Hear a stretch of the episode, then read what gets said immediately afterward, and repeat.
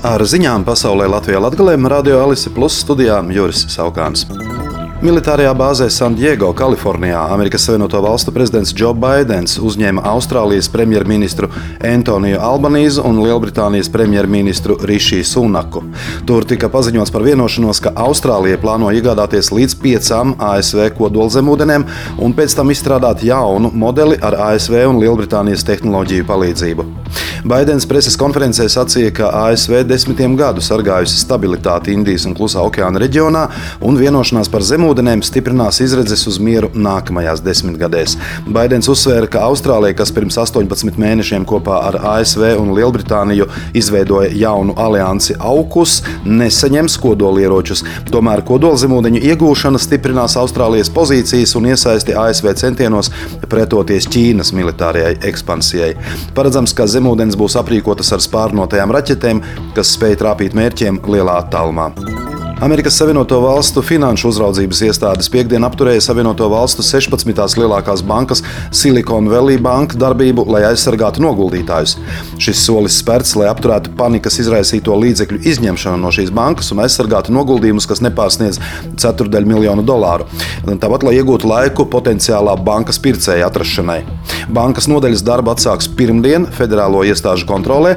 Komentējot pašreizējo situāciju ASV finanšu sektorā, prezidents Joe Biden Baidens vakar paziņoja, ka Savienoto Valstu banku sistēma ir drošībā pēc bankas Silicon Valley Bank pēkšņās maksātnespējas.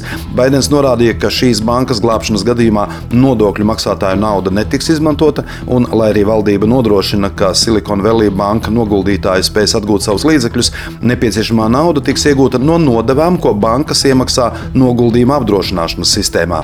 Bankas maksātnespēja ir vērienīgākais ASV bankas sabrukums kopš 2008. gada. Jāpiezīmē, ka pagājušās nedēļas nogalē finanšu problēmu dēļ tika apturēta arī Ņujorkas bankas Signature Bank darbība, kurā apmēram trešdaļa noguldījumu ir kriptovalūtās.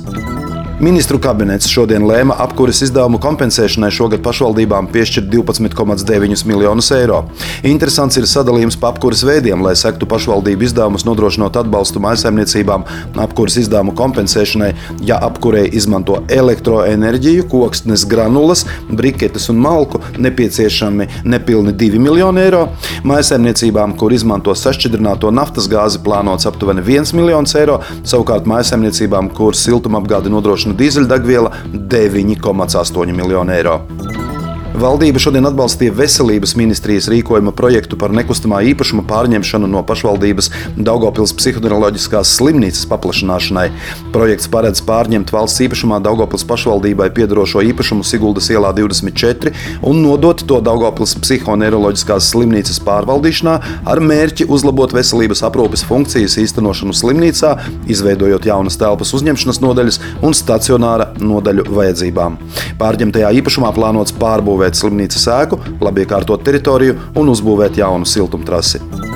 Valsts akciju sabiedrības Latvijas pasts organizētajā konkursā Mans pastnieks noskaidroti 2022. gada labākie pastnieki un pasta nodaļu operatori. Pastnieku konkurencē klienti par labāko Latvijas reģionā atzinuši Daigu Jurģi no Ludzas novada Kārsavas piegādes punkta. Savukārt labākā pasta nodaļas operatore klientu vērtējumā Latvijas reģionā ir Ilze Doru no Balvu novada Baltinavas pasta nodaļas. Prēļu novada pašvaldība izsludinājusi projektu konkursu mazo un vidējo komercsabiedrību un saimnieciskās darbības veicēju līdzfinansēšanai. Šogad mazajā kategorijā var pieteikties uzņēmumi vai saimnieciskās darbības veicēji, kuri vēl nav sasnieguši gada vecumu. Atbalsta maksimālā summa ir 2000 eiro, atbalsta intensitāte no 50 līdz 100% atkarībā no sasniedzamajiem mērķiem. Lielajā kategorijā ietilpst visi reģistrētie uzņēmumi un saimnieciskās darbības veicēji. Šeit maksimāla atbalsta summa ir 5000 eiro, bet atbalsta intensitāte 50%. Projektu pieteikumus varēs iesniegt no 3. aprīļa. Ziņu apskatu pasaulē Latvijā Latvijā veidoja Radio Alise Plus informācijas un ziņu dienests ar Sabiedrības integrācijas fonda atbalstu, bet Radio Alise Plus studijā bija Juris Saukāns.